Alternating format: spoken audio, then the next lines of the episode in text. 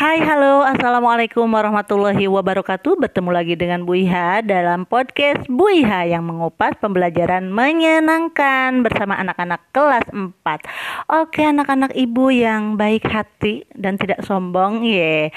Uh, semangat ya, uh, kalian tetap semangat walaupun belajar dari rumah. Oke, Bu Iha akan menemani melalui saluran pembelajaran uh, podcast Bu Iha di mana pada materi kali ini Bu Iha akan mengupas pembelajaran 2 tema 1 sub tema 2 ya. Jadi ingat ya, di modul kalian judulnya adalah tema 1 subtema 2 pembelajaran 2. Ya, kalau mau lihat halamannya di halaman 40.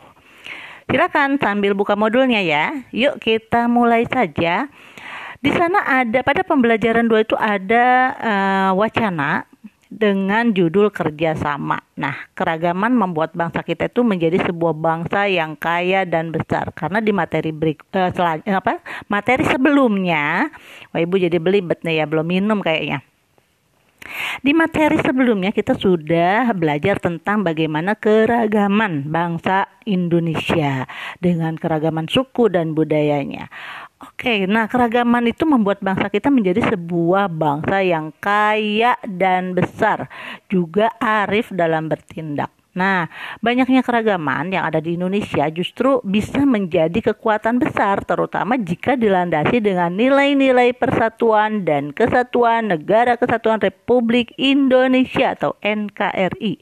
Salah satu kegiatan yang mencerminkan menghargai keragaman adalah dengan bekerja sama. Nah, kalau di kelas kita ada uh, satu hari penguatan karakter kerjasama, yaitu hari Selasa ya, Selasa kerjasama itu penguatan karakternya.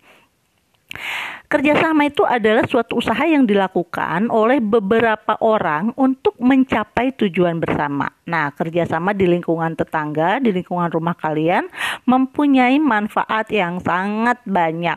Kerjasama dapat menambah keakraban kita. Melalui kerjasama, kita bisa menyadari bahwa manusia itu adalah sebagai makhluk sosial, ya. Sebagai makhluk sosial, kita saling membutuhkan dalam menjalani kehidupan uh, di dunia ini. Oke. Okay?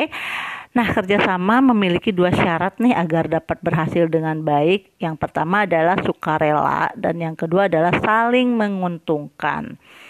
Sukarela. Nah, kerjasama yang baik harus berdasarkan sukarela. Jadi sukarela itu artinya mau melaksanakan sesuatu tanpa harus dipaksa atau tanpa mengharapkan balasan gitu ya tanpa pamrih. Nah, suatu kerjasama tidak baik hasilnya kalau dipaksakan.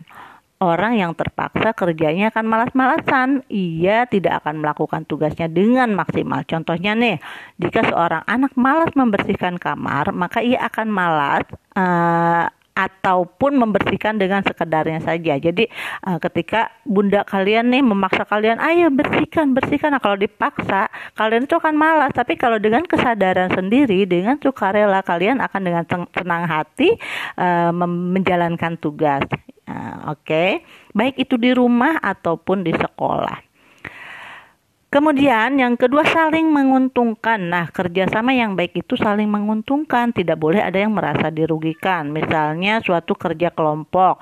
Semua anggota kelompok harus mendapatkan bagian pekerjaan yang sama rata. Dan sebaiknya tidak ada yang lebih berat ataupun lebih ringan.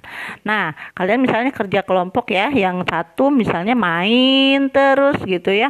Main HP terus. Yang satu mengerjakan tugas. Nah itu tidak baik. Jadi eh, ketika kalian bekerja kelompok semuanya harus berkontribusi harus uh, bekerja sesuai uh, sama porsinya ya di rumah pun seperti itu. Jadi jangan ada yang uh, merasa paling capek sendiri. Misalnya gitu kakak kalian dapat tugasnya banyak banget nih sedangkan kalian tugasnya hanya satu doang gitu. Nah dalam kerjasama ini harus saling menguntungkan saling membantu juga ya. Nah kerjasama tidak akan berhasil jika ada yang merasa dirugikan itu ya, jadi ada dua uh, syarat kerjasama yang baik. Yang pertama adalah sukarela dan yang kedua adalah saling menguntungkan. Nah dari wacana di atas, dari wacana yang sudah ibu uh, bacakan, kalian bisa berlatih nih uh, ada satu tabel di modul kalian tuh ada tabel pada halaman 40 ya. Ada tabel yang harus kalian isi um, ber, berisikan pernyataan-pernyataan. Nomor satu, Sinta membagi permen kepada adiknya.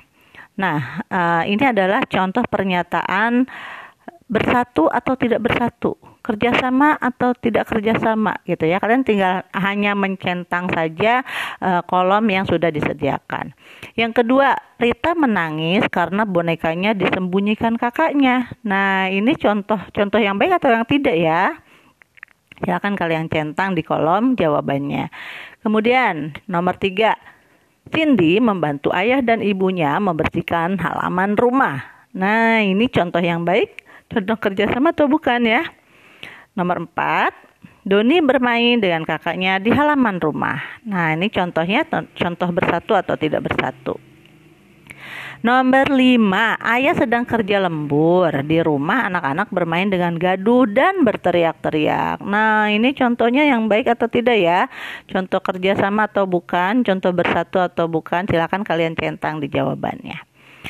Selanjutnya, ada uh, ayo mengerjakan nih kalian ada disajikan juga ada lima soal pilihan ganda di mana kalian harus mencentang atau memilih jawaban yang benar ya.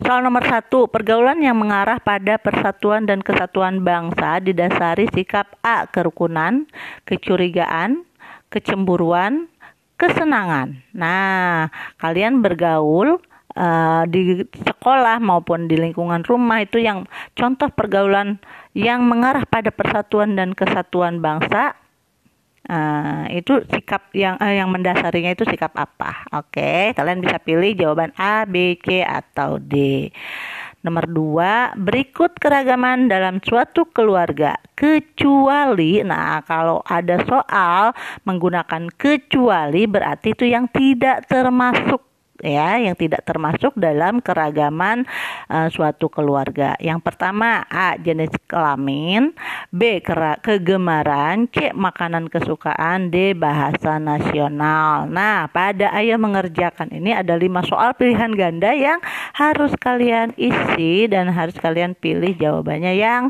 benar. Lanjut, ada ayo lakukan. Nah, pada ayo lakukan kalian harus berdiskusi dengan teman atau uh, satu kelompok. Nah, karena kalian itu belajarnya di rumah, sebenarnya kalian bisa saja membuat kelompok uh, percakapan di WhatsApp.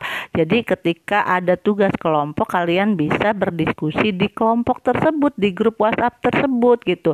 Tapi karena grup WhatsApp uh, bunda-bunda kalian tuh mungkin sudah banyak ya. Jadi kalau ada grup lagi takutnya nanti malah merepotkan. Jadi silakan saja kalian kerjakan tugas yang kelompok itu uh, menjadi tugas mandiri. Kemudian kalian bisa berdiskusi bersama ayah bunda atau kakak ya uh, di rumah gitu. Ini ada uh, contoh soal ada empat soal uh, yang harus kalian diskusikan. Jadi kalian diskusinya sama bunda ya yang pertama, apakah keragaman menjadi penghalang untuk mewujudkan kerjasama di keluarga? Nah, ini uh, apa yang harus kalian isi, yang harus kalian jawab, dan eh, soal-soal seperti inilah yang nanti akan ibu uh, nilai ya kalau untuk pilihan ganda mungkin kan itu sudah terlihat uh, jawabannya ya tapi kalau uh, ini soal-soal pertanyaan seperti ini ibu akan meng mengetahui bagaimana isi pemikiran kalian tentang uh, jawabannya kan mungkin tidak sama ya karena ini menda, men, apa um, me, nah ibu ini deh lupa menyajikan nah menyajikan pendapat masing-masing nah Nomor dua, siapa sajakah yang harus ikut bekerja sama? Nah, kalian harus jawab ya. Ini jawabannya tidak tidak sama dengan teman kalian tentunya. Nomor tiga, bila salah satu anggota menolak untuk bekerja sama, apa yang harus kalian harus dilakukan anggota lain. Nah, ini kan pendapat kalian. Tidak mungkin pendapat kalian itu sama semua ya satu kelas. Nah, pasti kalian punya pendapat sendiri. Nah, bagaimana menurut pendapat kalian apabila ada satu anggota yang menolak untuk bekerja sama?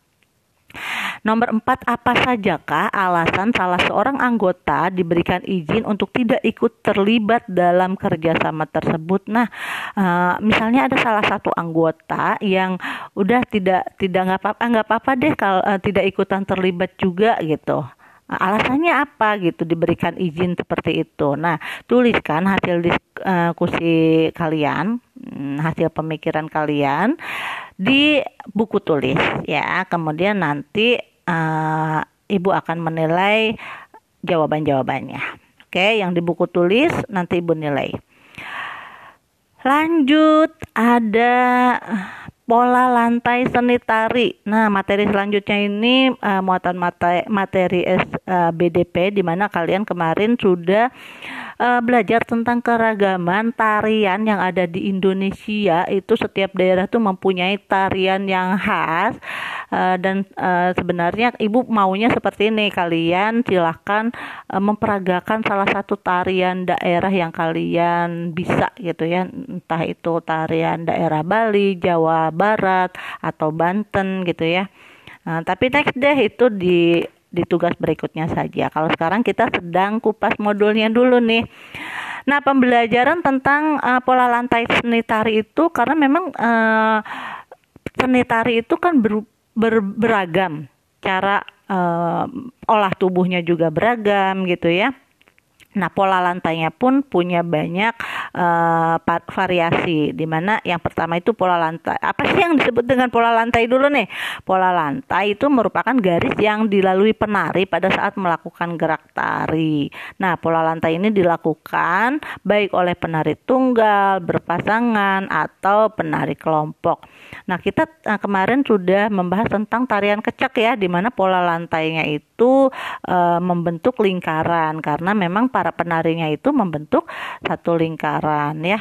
Nah, pola garis eh, terdapat dua pola garis eh, pada pola lantai tarian itu ya, yaitu garis lurus dan garis lengkung. Nah, pada garis lurus terdiri atas pola lantai horizontal, vertikal, dan diagonal. Nah, eh, salah satu cara eh contoh tarian yang menggunakan pola lantai horizontal itu adalah tari saman ya di mana para penarinya itu berbaris uh, apa membentuk garis horizontal.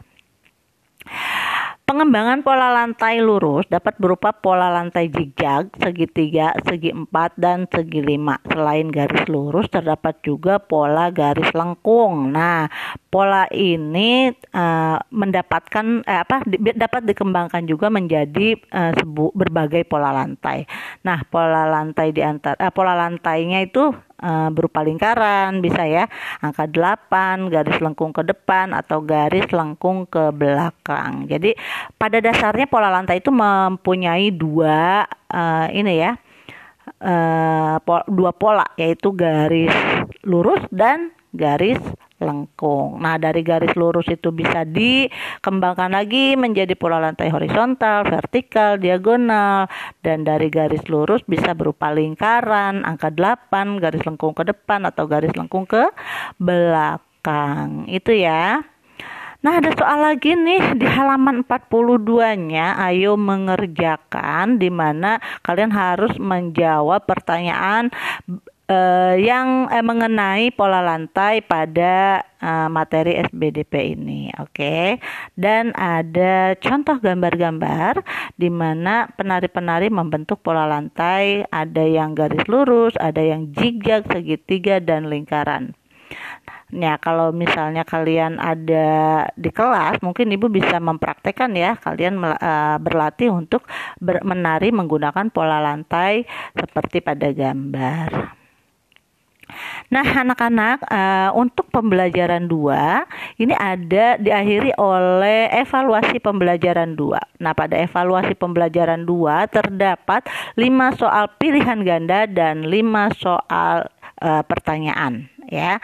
Untuk e, menyelesaikan soal-soal tersebut, kalian bisa langsung menyelesaikan di modul kalian yang nantinya akan dikumpulkan di minggu berikutnya. Nah, untuk evaluasi pembelajaran 2 e, kalau misalnya mau dibahas nih soalnya ya soal nomor pertama tentang keberagaman merupakan anugerah yang patut kita A hindari syukuri salahkan jauhkan A ini kalau apa hmm, soal-soal pilihan ganda ini karena sudah ini ya sudah disediakan jawabannya itu termasuk soal-soal yang mudah. Kalian pun bisa menyelesaikannya tanpa uh, bantuan ibunda ya. Jadi ibu harapkan untuk menyelesaikan tugas-tugas kalian tuh kalau memang kalian bisa mengerjakan sendiri silahkan kerjakan sendiri dan tidak usah merepotkan orang tua ya. Karena kalau kalian mm, menyimak materi dari ibu dari awal sampai akhir, insya Allah kalian akan uh, memahami materi kemudian dapat menjawab soal-soal yang diberikan pada modul. Nah, untuk bagian keduanya menjawab pertanyaan yang pertama bagaimana cara menjalin kebersamaan dalam keragaman ini adalah pertanyaan yang uh, memuat uh, pendapat kalian sendiri gitu ya. Jadi silakan kalian berpendapat bebas saja jangan takut salah karena uh, buat ibu ketika kalian menjawab itu hmm, tidak harus benar 100% gitu. Ibu akan menghargai jawaban-jawaban kalian, pendapat-pendapat kalian apalagi dengan pertanyaan-pertanyaan yang seperti ini. Misalnya Uh, sebutkan uh, contoh bentuk kerjasama di lingkungan masyarakat. Nah, uh, jawabannya itu tidak harus sama dengan modul. Ketika kalian punya uh, jawaban sendiri atau pendapat sendiri, silahkan tuangkan di uh, apa di buku ya atau di tulisan. Kemudian apa yang dimaksud pola lantai itu pola lantai ada di modul uh, silakan kalian pelajari lagi. Kemudian sebutkan dua garis dasar pada pola lantai kalau itu memang sudah jawabannya sudah ada ya. Kemudian sebutkan tiga contoh uh, pola lantai. Silahkan kalian mengerjakan untuk uh, evaluasi evaluasi pembelajaran 2. Jadi hari ini pembelajarannya uh, tema 1, subtema 2, pembelajaran 2. Untuk kupas modul uh, indahnya kebersamaan bersama Bu Iha. Oke deh, itu saja mungkin yang bisa Ibu sampaikan. Selanjutnya nanti kita akan berdiskusi di grup WA ya. Apabila tidak paham dengan pembelajaran yang uh, tadi Ibu sampaikan, kalian bisa bertanya di grup WA. Oke, uh, Ibu cukupkan sampai di sini. Uh, salam sehat, salam semangat, tetap tersenyum dan tetap bahagia. Assalamualaikum warahmatullahi wabarakatuh.